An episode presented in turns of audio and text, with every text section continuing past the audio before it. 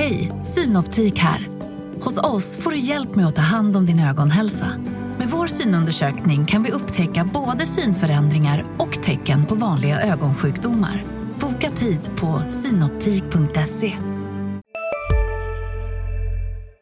Nu känner man sig som han eh, i ehm, um, Hip Hip. Han som gör de här smooth övergångarna. Han Melodikrysset. Ja.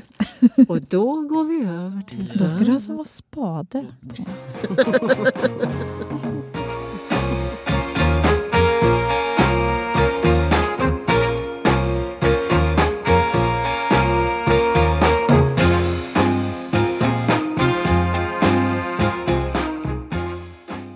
Okej, då säger vi våra skånska hej. Hej. Hallå ja. Hello. Det här är Gräv bort Skåne, det allra första avsnittet av eh, vår nya kulturpodd från Sydsvenskan där vi ska grotta ner oss i ämnen som vi tycker är spännande. Varannan vecka tänkte vi köra. Ida Ölmedal heter jag, jag är kulturchef på Sydsvenskan och här med mig sitter idag Maria G. Franke. Jag jobbar på kulturredaktionen. Rakel Chokri jobbar också på kulturredaktionen. Och vilka är då Sydsvenskan eh, Kultur? Kanske några stackars lyssnare undrar. Om det är några som inte vet det, det så kommer man ju i och för sig märka det efterhand. Men jag har också satt ihop en liten eh, presentation av de kända poddarna Filip och Fredrik. Vi har ofta pratat om vårt hat, så är det. det vi, låt oss kalla det hat mot Sydsvenskans kultursida. Men vet du vad? Sydsvenskan är ju ett tillstånd. Det, det är en tidning, specifikt en tidning. Men det är också ett tillstånd på samma sätt som Rockland är ett slags tillstånd. Och på samma sätt så, man behöver inte jobba för Sydsvenskan. Man kan jobba på Norrländska Socialdemokraten och vara en Sydsvenskan människa. Nej, men det, det som man hatar i grunden är inte att Sydsvenskan människorna nödvändigtvis hatar oss. Utan det är den här känslan som de bara osar av att vi är humanister, vi är bra människor. Det är alltid roligt när någon är besatt av en. Ja. Absolut. Nej, men de vill väl att vi ska vara kåta, glada och tacksamma. Och det är vi ibland, men inte alltid. ibland är vi sura. Jag tycker det är något vackert ändå att det är ett tillstånd. De har väl, har de någon poäng? Det har de kanske. Absolut. Skulle jag säga. Eh, ja, eh, på, på arbetsplats kan jag ibland känna mig som den här okritiska, eh, så här, jo det här var väl bra. När när det är någonting, när alla andra ska tycka att det ska sabla ner någonting och tycka att det är liksom är låg kvalitet och löjligt och så, så, så viftar jag med den här glada flaggan. Och då, då känner jag mig, då dras jag lite mot Filip och Fredrik, måste jag säga. Inte What? de? Okej. Alltså, Men Rakel, du har varit kulturchef länge, du kanske vet bakgrunden till det här. Vi kommer få grotta ner oss i det någon annan gång. Men... jag, jag tror att eh, Filip och Fredrik eh, någon gång eller flera gånger kände sig så här, orättvist behandlade av oss. Eh, att det var någon recension som de tyckte var taskig. Eh, alltså jag minns faktiskt inte vad det här... Det här, det här har liksom fått så här episka proportioner. Men, men jag tycker att det är lite kul att en, liksom några som är besatta av en. Och jag tror att det är hela den här uppdelningen mellan så här Hoch-litteratur och folklig kultur. Att man tycker liksom att vi är så här snobbiga och liksom att vi är så här sur i svenskan. Och liksom att vi går runt med så tajta polotröjor att vi håller på att kvävas varje dag. Liksom. Men det som är riktigt intressant här det är att Maria är en förrädare. Att, En av dem ibland. att, att hon i hemlighet har liksom haft samma åsikter som Filip och Fredrik på redaktionen gentemot oss andra kollegor. liksom. Att det är vi som är sursvenskan och så är du så här, Filip och Fredrik glad. Det är Det, orimligt. det, behövs, det behövs ytterligheter skulle jag säga. Men det här tänker jag skulle kunna bli... Eh, det talar gott för poddens framtid eftersom man gärna vill ha lite friktion ändå i, i podden. Vi får se hur vi lyckas.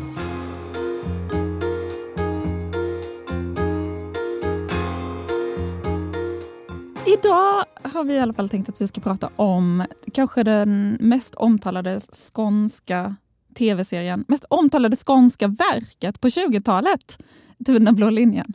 Um, ni, Rakel och Maria, har ju båda skrivit rätt mycket om eh, Tunna blå linjen. Det är därför jag frågat er för ni vill vara med och snacka om den. Eh, Jesse var ju här. Oh ja. Oh, Det, ja. det, var, det var jag som lurade hit honom. Du skulle intervjua honom, Rakel. Jag jag skulle intervjua Per Lasson som spelar Jasse i eh, Tunna blå linjen. Och, eh, då insåg jag att mina kollegor skulle bli så fruktansvärt glada om de fick eh, träffa mannen bakom Jasse. Så då föreslog jag självklart att han skulle komma upp till, eh, till redaktionen.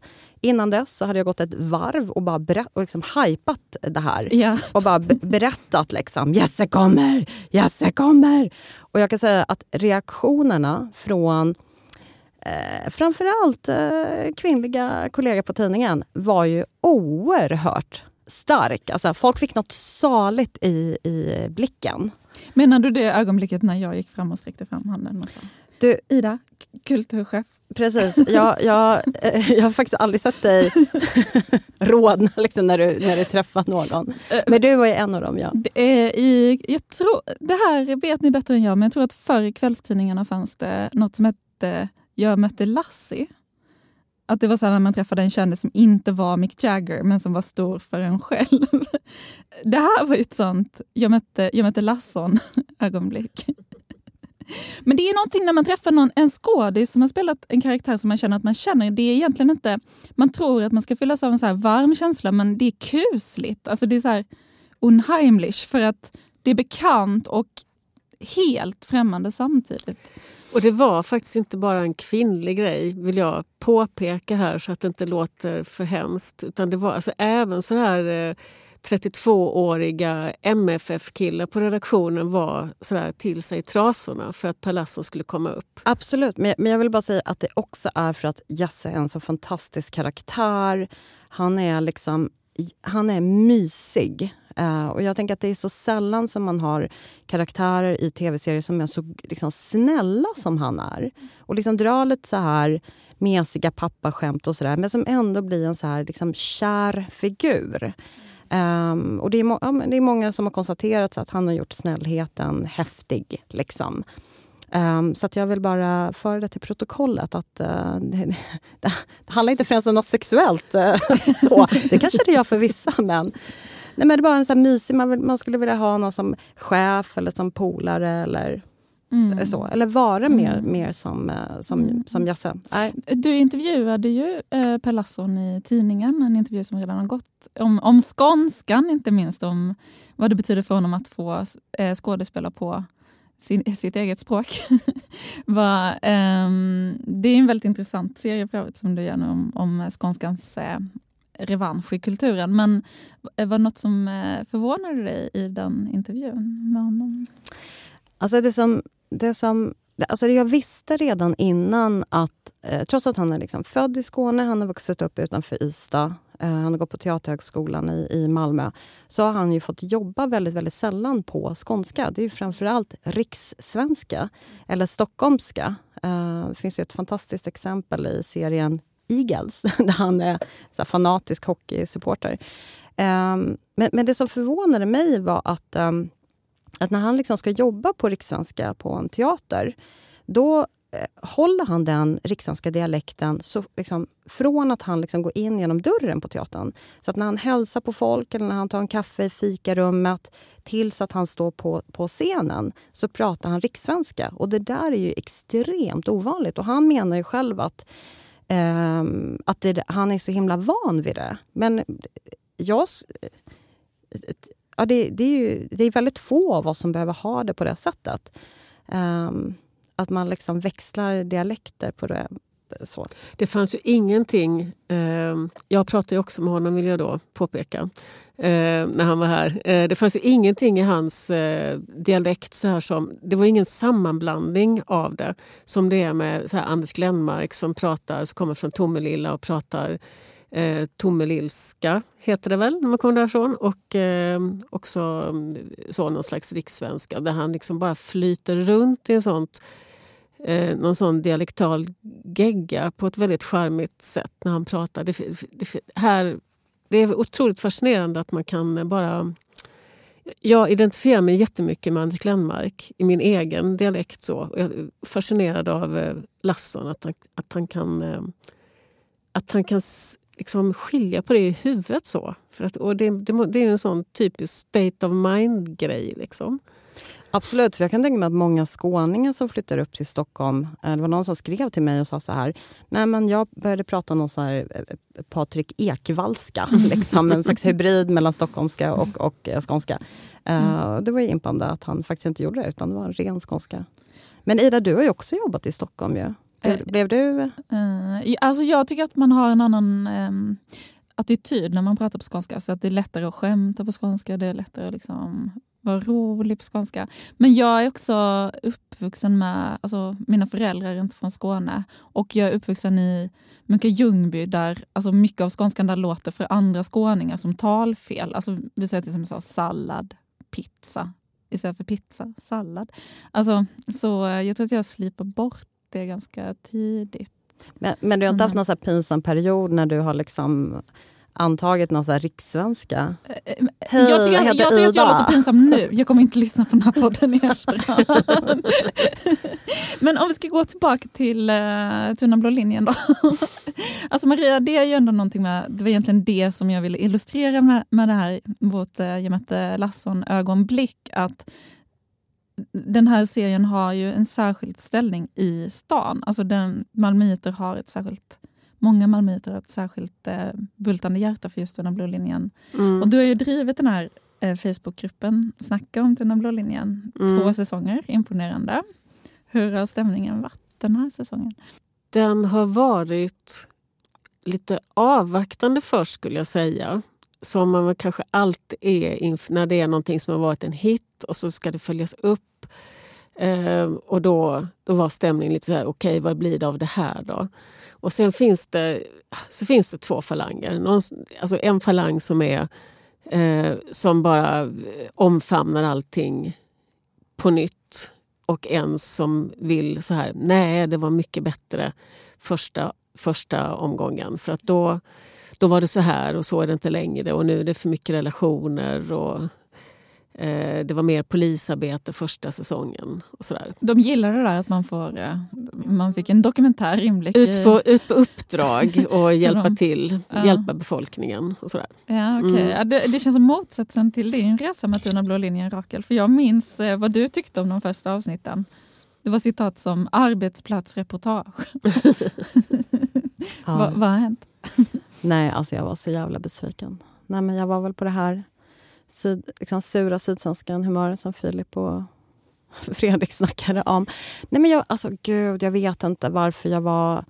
Nej men jag var så besviken på de första avsnitten. Och, första säsongen alltså? I första säsongen. Um, och tyckte väl att det var lite för mycket liksom såpa och... Uh, men sen, men sen, men sen så, och så ja, gnällde jag på det ett tag. Men sen, men sen så fastnade jag ändå för många av de här karaktärerna. Jag tycker att Lea, en liksom fantastisk karaktär, och Jesse och eh, Fanny, eh, Faye och eh, Danny. Liksom. Um, men, men, jag, men, jag, tror att det är så med vissa serier, att man måste liksom vänja sig eh, vid dem liksom, helt enkelt. Vad har du fastnat för i den här säsongen? Vad var det viktiga i den här säsongen? Jag, jag har fastnat jättemycket för den här eh, den nya polisen, Saras nya kärleksintresse, Khalid, som han eh, presenterar sig för um, presenterar sig som i, i, i serien. Och för mig är det så, det är alltid jättekul. Jag menar, jag har rötter i Mellanöstern och det har den här polisen också. Och när jag intervjuade skådespelaren Mustafa om det här så sa han ju det, att det här är liksom en försvenskad eh, blattepolis. Vad menar man när man säger försvenskad? Alltså... Nej, men försvenskad är väl att man liksom försöker göra om sig, liksom, att man liksom slipar ner sina Mellanösternrötter. Nej, och, och ett exempel är så här, att han presenterar sig som Khalid. Uh, för mig det är ju ont att säga Khalid. För mig heter det Khalid. Det är så det namnet liksom ska uttalas. Um, men det jag tyckte var så kul med den här karaktären var liksom att han, han är liksom en arabkille. Han, han är tillsammans med en svensk, svensk tjej. Men det blir liksom inte den här liksom gamla vanliga oh, hedersproblematiken. Eller, det är inte så att hans eh, föräldrar liksom gnäller på honom och säger så här, oh, varför är du tillsammans med en svedig brud. Um, och Det tyckte jag var liksom rätt skönt att slippa det. Det är klart att så här, oh, hedersfrågor är jätteviktiga men vi har redan sett det så många gånger. Så det var kul att han liksom fick bli någonting, eh, någonting annat.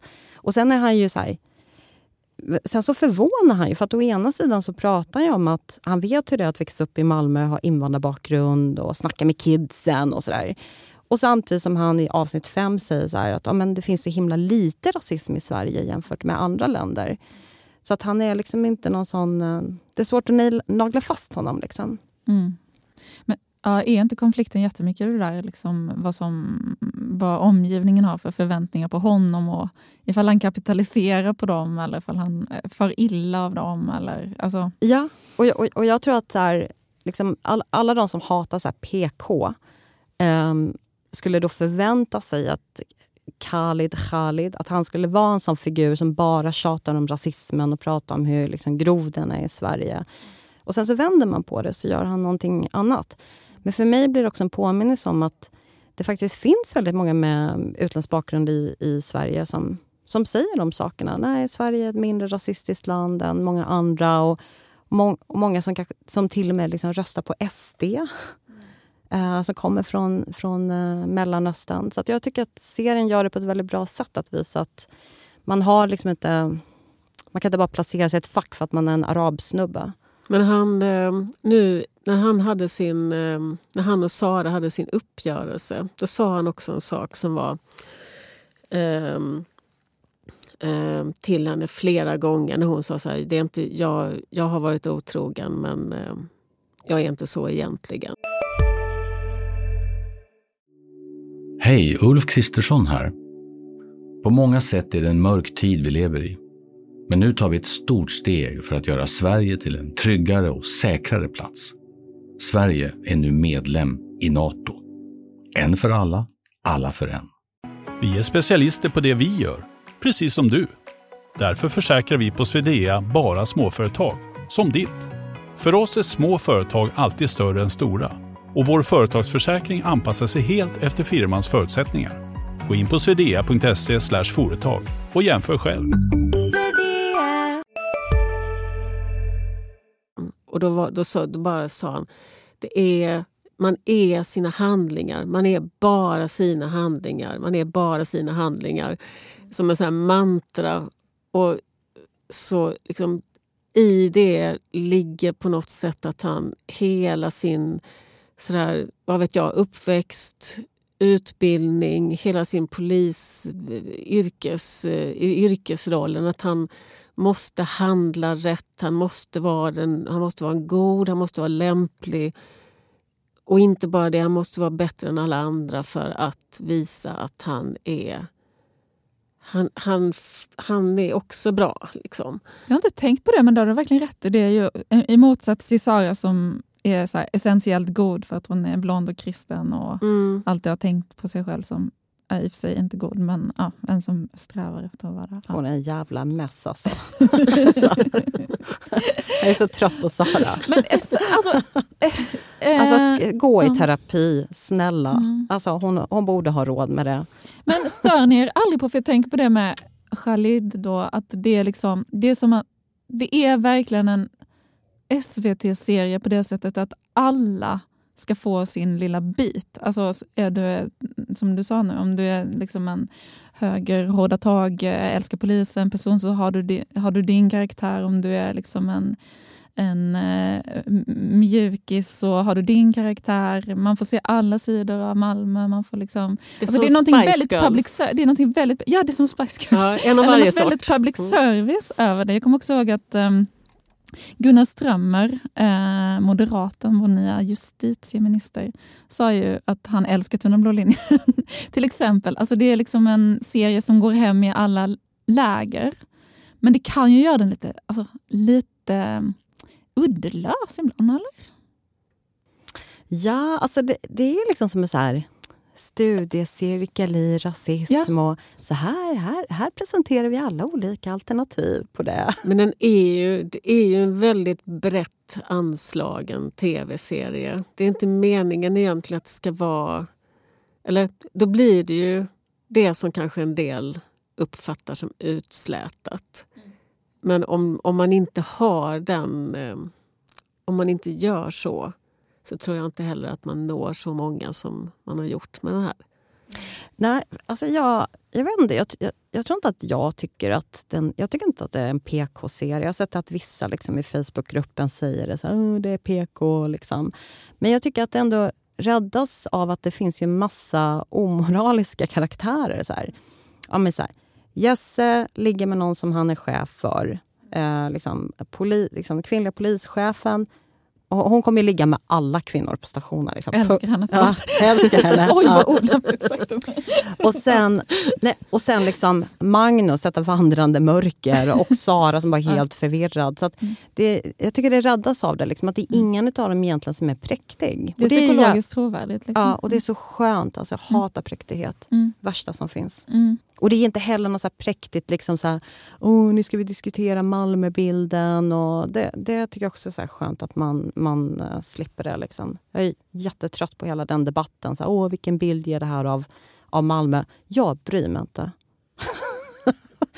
Precis, det är väl att det får vara massa olika saker. Jag tänker på det i första säsongen att man märkte att de som inte bodde i Malmö tyckte att det var en mörkare serie än vi som bodde i Malmö. Alltså när de bara beskrev. Och jag tror att det är någonting med igenkänning som i sig är ljust. Eller en ljus affirmativ upplevelse på något sätt. Men samtidigt så var det under första säsongen ganska mycket eh, både i, i gruppen men också så här eh, kultursidesdebatt om att serien inte var mörk nog, att den inte tog upp de så här riktiga problemen i Malmö. Var det är, var är skjutningarna, var är gängen, var är liksom, bomberna eh, och så. Medan nu i andra säsongen är det mer, var är alla de här vardagliga små utryckningarna som gjordes när man tog om hand någon förvirrad och sådär. Ehm, så där har också skett någon eh, svängning. Ehm, båda bilderna är ju liksom om man nu går till den här bilder om Malmö. Alltså det, finns ju, det finns ju inte en bild om Malmö, det finns ju massor. Har, har det inte egentligen handlat mycket om bilden av polisen? För polisen är ond eller god? Eh, jo, det har det ju gjort. Eh, och då har det också skett någon sån intressant sammanblandning av polisen i Tunna blå linjen och polisen som är Polismyndigheten på riktigt. Liksom. Eh, för att det är ju det är inte riktigt samma sak. Nej. Nej, och det, och det, men, men det där är ju faktiskt intressant. För att, har det ändå inte varit så i, i liksom Facebook-diskussionerna att folk liksom ändå förväntar sig att det här ska vara en så här realistisk, alltså nästan dokumentär bild av Mm. hur, hur, hur polisen är? Jo, alltså det, min... Eh, alltså hela den här true crime-vågen har liksom förstört så otroligt mycket för att det finns ett sånt krav på att allting ska vara på riktigt. Jag tror också att eh, SVTs presentation av programmet är också lite så boven i dramat. Jag måste bara läsa upp hur de, hur de själva skriver program programpresentationen. Så säger de så här. Svensk dramaserie om några poliser i Malmö, deras slitiga vardag och de ständiga svårigheterna med att hålla isär jobbet och privatlivet. Det låter ju som en dokumentär. Det låter som ett arbetsplats, arbetsplatsreportage. Ja, med vissa, sa. med vissa liksom, eh, privata eh, inslag. Mm. Så. Ehm, så det... Alltså, överhuvudtaget så är det väldigt mycket i fiktionen just nu, ett tag tillbaka, som baseras på verklighet. Ehm, och när det då kommer någonting som ska vara väldigt vardagligt men som är ren fiktion så blir det som det blir, uppstår total förvirring Mm. hos många. Mm. Ehm, och jag, jag, kan bli, jag blir själv så himla trött på det här eh, kravet att det ska vara trovärdigt på ett sätt som ligger sådär supernära. Alltså man ska verkligen tro på att det är exakt så här i verkligheten.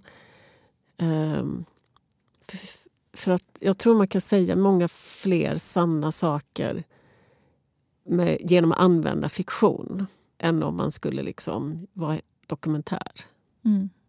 Fast jag tror också att det, eller vad tror du Ida? Jag tror också att det handlar om att, men att den, är, den känns ju mer liksom realistiskt filmad än vad till exempel Bron var. Alltså Bron var ju så skruvad i, liksom tilltalat och liksom så det första mordet, någon som är styckad på liksom Öresundsbron. Och Mm. Det är kanske därför liksom folk liksom lite luras av att tro att Tunna blå linjen vill vara liksom mer, mer dokumentär. Men, men jag tycker faktiskt att den har varit rätt flippad. Liksom. Jag tycker att alla de här de här liksom härliga, utflippade... Tant, det, bara kryllar ju av tantragummor. Det känns jätterealistiskt. alltså jag tycker att, att en, liksom, det finns ju jättemånga olika kvaliteter eh, i serien. Jag tycker att en av kvaliteterna är att man känner igen Malmö och bland annat tantrakvinnorna eller vissa liksom, typer. Mm. Eller, men, även, eh, henne har vi inte sett så mycket av eh, den här säsongen men Magnus syster Marie eh, känns som en sån Malmö-tjej som man har träffat. Alltså, jag tycker att det är det, är, det är inte, handlar inte om att det är sant, men det är trovärdigt. Det är Mm. liksom, de har lyckats fånga många bilder av Malmö som stämmer i en på något sätt. Och Det är väl därför det skär lite när man plötsligt tycker att det inte stämmer. Men sen, sen uppfattar jag också att det finns liksom en diskussion om fall polisen är... Alltså hur man ser på polisen i Malmö. Det finns ju liksom en... Det finns en, eh, liksom en grupp av eh, människor som gärna ser polisen som ond, Mm. till exempel. Och, fast jag tycker att det är lite konstigt ur ett vänsterperspektiv om man verkligen är... Alltså, tesen borde väl då inte vara att det är poli, äh, den enskilda polisen som har ett ont psykologiskt mörker inom sig. Utan då borde ju kritiken mer handla om institutionen polisen. Liksom.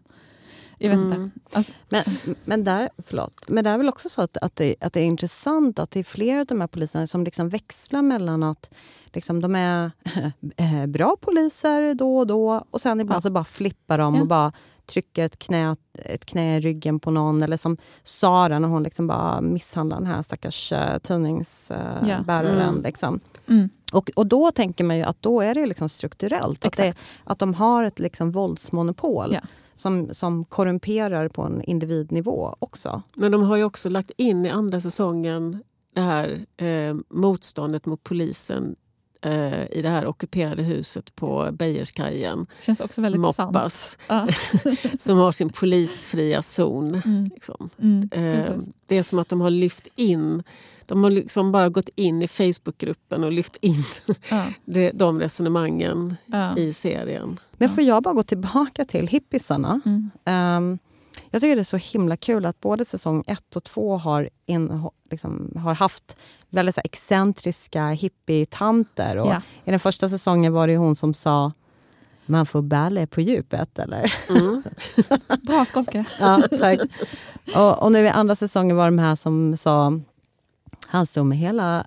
Snaskekotten ute i friluftsteatern. Precis. Och då vill jag bara säga att det här med hippisarna och deras både positiva och negativa inverkan är något som man absolut borde skriva mer om i, i offentligheten. För jag minns ett tidigare förhållande med en hippie. Det här är inget jag rekommenderar. Där alltså jag tvingades ut på liksom, eh, utflykter i skogen. Mm. Där man skulle så här, krama, Krama träd, prata med träd, hitta sitt andedjur. Och Var han malmöit? han var från Norrland. Och jag kan säga att jag lever idag och inte inspärrad på ett mentalsjukhus. Det är ett mirakel. det, var, det var ingenting för mig. Men alltså de finns där ute, hippisarna. Så det är jättebra att uh, de är är inskrivna. det lyfts fram i serien. Det är Ja. samhällsproblemet det också. Precis.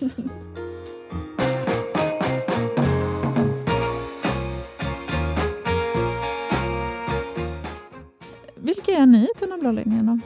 Jag är Magnus. Va? Nej, det är det inte.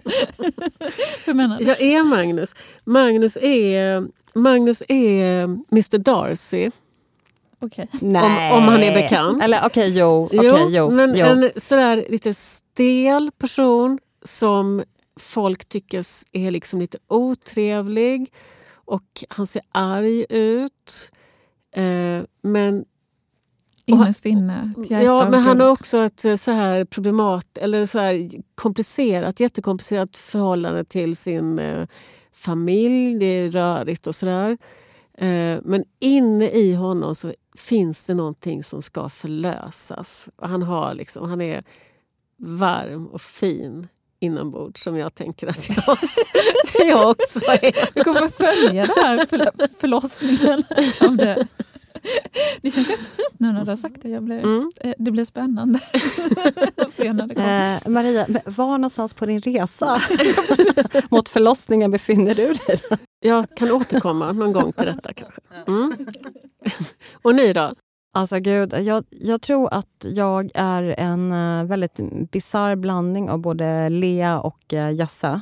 Jag fick ju höra att du var att karaktären Lea var baserad på dig, men sen lyckades vi inte bekräfta det. Nej, jag har fått höra att det var en annan karaktär som kanske var lite baserad på mig Vem? i första säsongen. Pol- polischefen. Nej, det är inte sant. Är nej, det nej, inte? nej, det är Lea. det är Jag Lea. det är Lea. Okej, ja. Det, Ja. det stämmer också, eller hur? Alltså jag menar, det, det skulle kunna vara sant. Du är Ja. ganska lik henne. Jo, men, för jag, kan känna, alltså det, jag tycker ibland synd om alla er som jobbar med mig för att det känns som att antingen så är jag lite så här ja, men ett vandrande mörker, lite så här som Lea är och går runt och är så plågad och tycker synd om mig själv och känner mig som en halv eh, människa. Och sen helt plötsligt så kommer jag till redaktionen och jag är typ som en Jesse-figur och bara är så här... Du, du, du, du, du, liksom, livet är underbart, jag älskar alla. Ehm, det är ju lite tvära kast, jag, jag beklagar det. Liksom, ena stunden är man en grubblare och i andra stunden är man typ Jesse, Kai Pollak och sprider livsvisdomar omkring sig. Eller han eh, Som ingen har bett om.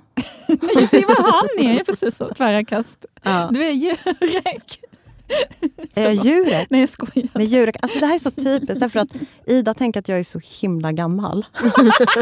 det är så här, men Jurek var ju så här, var han? 65 plus. Jag, jag menar bara om man ska ta en karaktär där det är tvära kast mellan mörker och ljus. Så var Nej, det här en- är, och det är en åldersrasism. Att jag är 44 och du ser mig som en pensionär.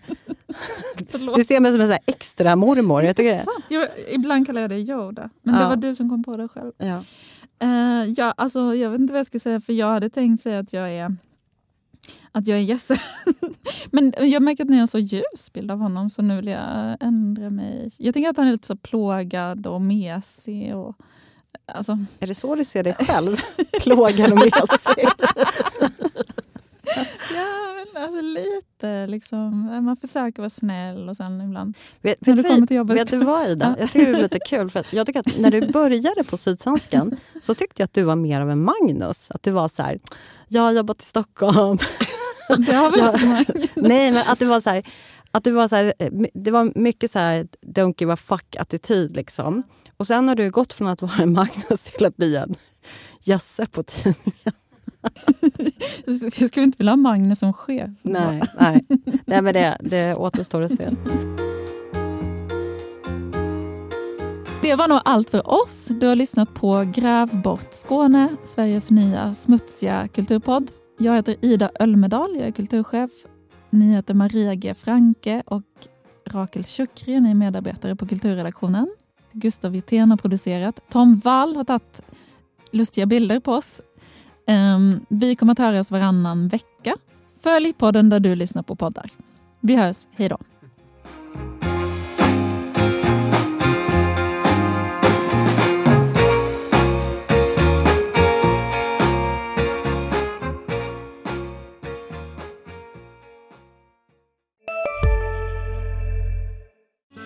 Hej, Susanne Axel här. När du gör som jag och listar dig på en av Krys vårdcentraler får du en fast läkarkontakt som kan din sjukdomshistoria. Du får träffa erfarna specialister, tillgång till lättakuten och så kan du chatta med vårdpersonalen.